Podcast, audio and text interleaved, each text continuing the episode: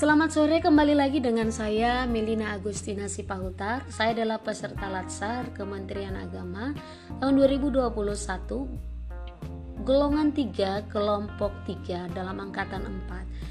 Pada kesempatan kali ini saya akan kembali mengupas dua materi yang terkandung dalam agenda 2 yaitu yang pertama komitmen mutu dan yang kedua anti korupsi.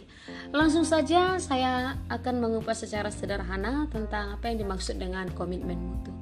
Komitmen mutu dapat diartikan dengan perilaku tindakan yang menunjukkan keinginan untuk menunjukkan kepuasan pelanggan dengan memberikan solusi yang tepat melalui langkah perbaikan secara nyata.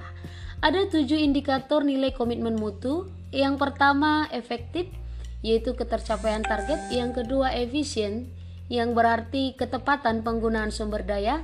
Yang ketiga ada mutu, yaitu upaya untuk menyesuaikan kondisi dinamis yang berkaitan dengan produk jasa manusia dan proses dan lingkungan.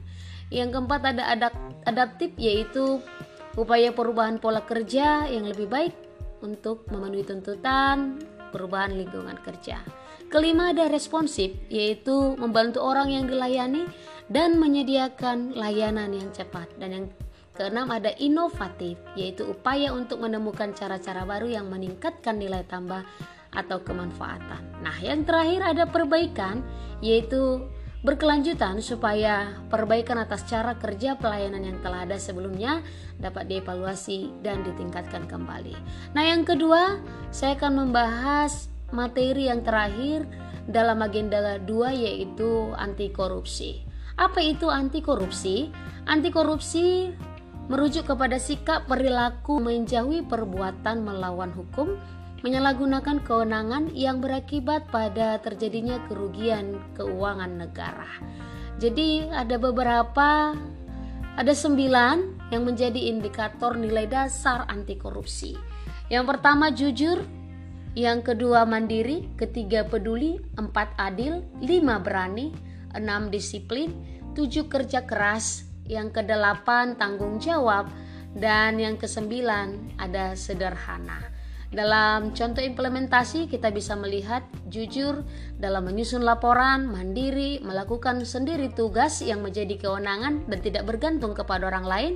Peduli, yaitu berupaya untuk melaporkan segala bentuk pemberian gratifikasi, melaporkan langsung kepada KPK. Adil, yaitu mengadakan proses pengadaan barang dan jasa pemerintah secara adil, tidak memihak penyedia ataupun vendor tertentu. Yang keempat, yaitu berani, yaitu berani menolak segala bentuk pemberian yang terkait dengan jabatan yang dimiliki.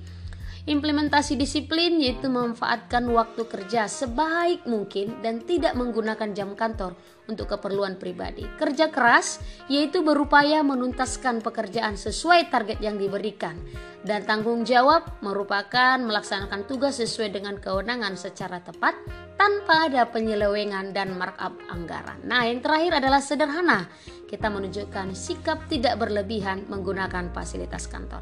Demikian yang boleh saya sampaikan dalam podcast pada saat ini. Terima kasih untuk uh, Kementerian Agama. Terima kasih untuk kesempatannya dan terima kasih juga untuk tutor dan video syara yaitu Bapak Haji Rahman Syaritonga. Bye bye.